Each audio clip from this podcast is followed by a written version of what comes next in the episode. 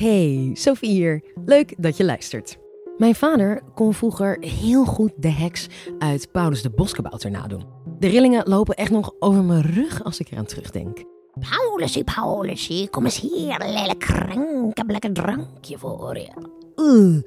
Nou, toen was ik nog een eh, kleutertje natuurlijk. Maar een paar eeuwen geleden waren ook volwassenen oprecht bang voor heksen.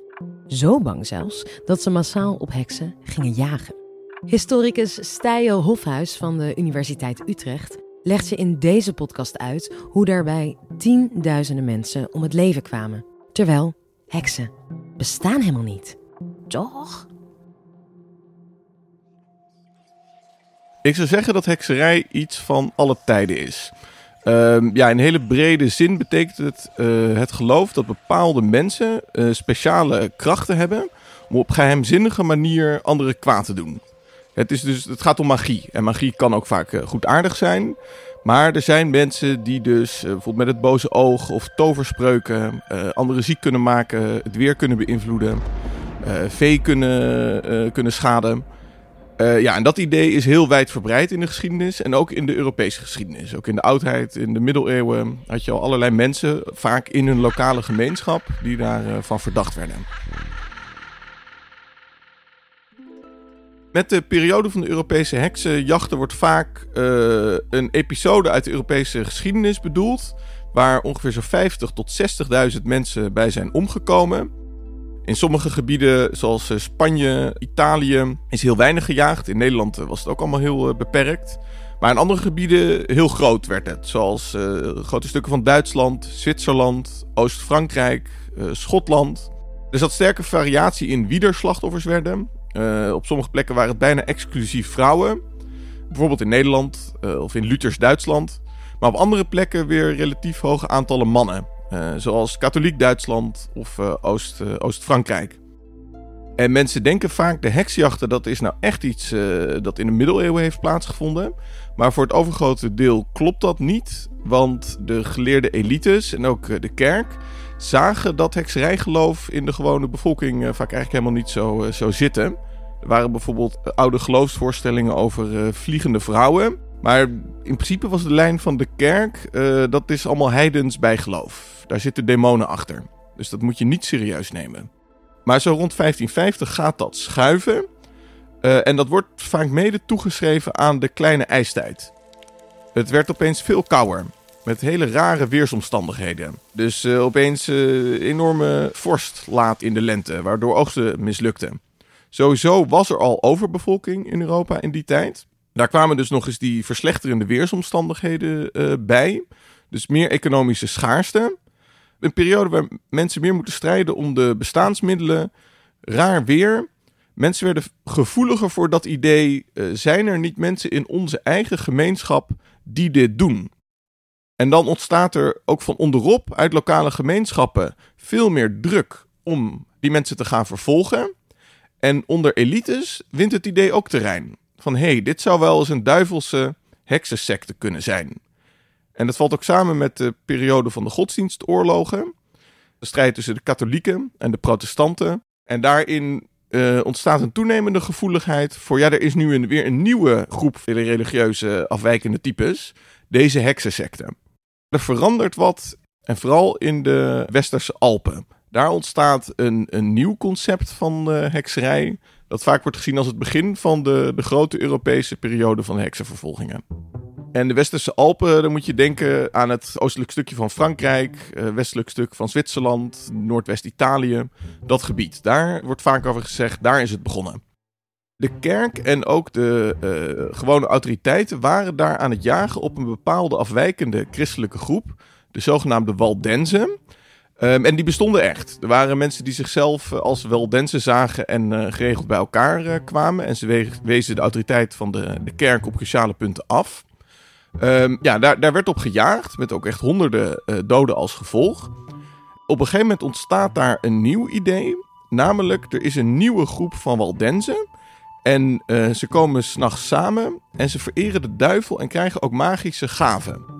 En dat was, uh, in ieder geval, daar gaan historici van uit, uh, in principe imaginair. Die groepen waren er niet, maar het idee leefde wel. daaruit ontstaat eigenlijk de heksenvervolging.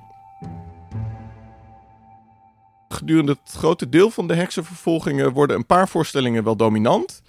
In het bijzonder ehm, dat de duivel eh, vrouwen verleidt. En dat gebeurt als volgt. Een vrouw is ergens eh, alleen in geestelijke nood. Bijvoorbeeld ergens eh, op, het, op het weiland of thuis alleen.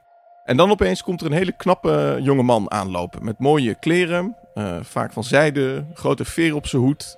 Ja, en die is ontzettend lief voor ze, geïnteresseerd in hun problemen. Fluistert hele aardige dingetjes in hun oor van je weet dat ik van je hou. En hij biedt ze ook geld aan. En heel cruciaal, hij uh, vraagt ze om God af te zweren.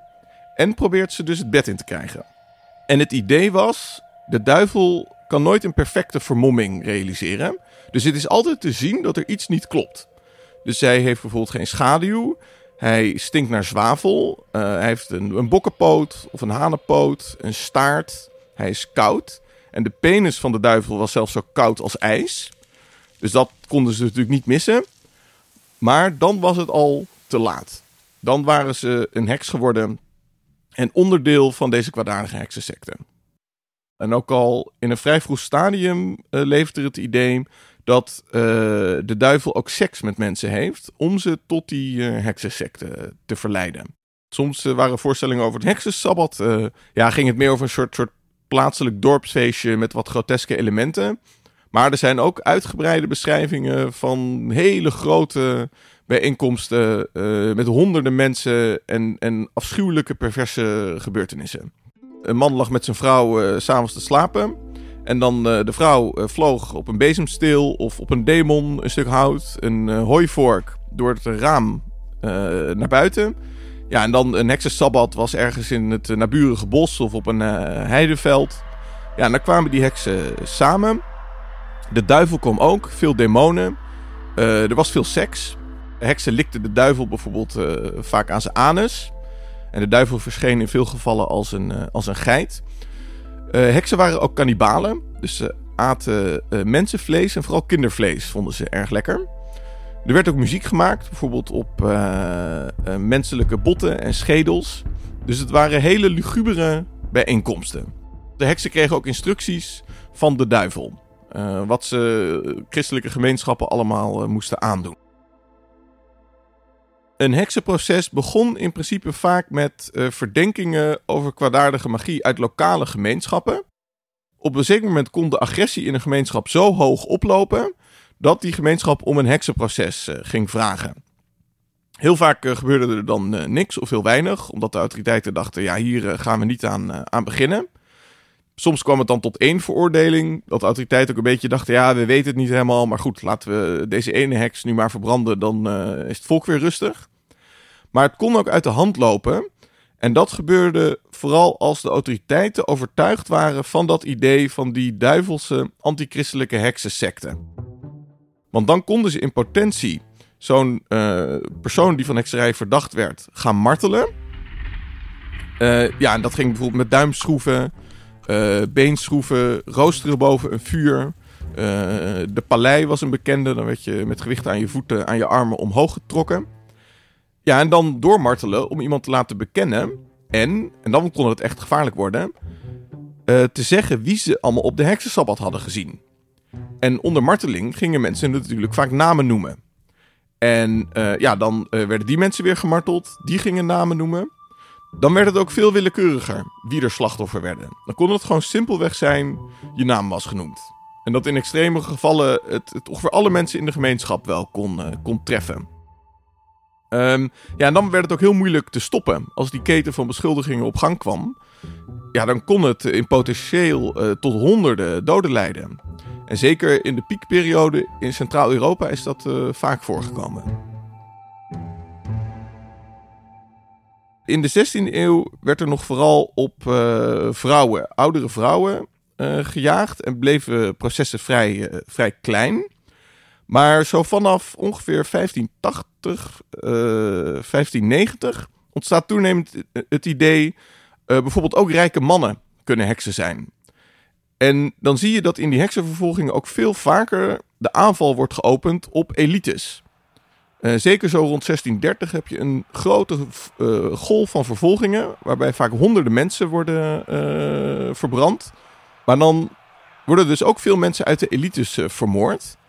En dat creëert bij de machtige groepen in Duitsland toch het idee: hier loopt iets uit de hand.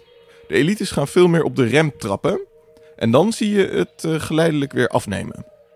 Het is een beetje moeilijk te zeggen wat nou echt het laatste officiële heksenproces uh, is geweest. Maar vaak wordt een uh, proces in 1782 genoemd in het uh, Zwitserse kanton Glarus. waar nog een vrouw, Anna Guldi, waarschijnlijk vanwege verdenkingen van hekserij is verbrand. Dank je, Stijen. Oh, wat hebben mensen soms toch bizarre ideeën. Al ga ik voor de zekerheid misschien volgende keer toch maar een blokje om als ik een man tegenkom die naar zwavel stinkt. Dit was de Universiteit van Nederland weer voor deze week. Tot de volgende!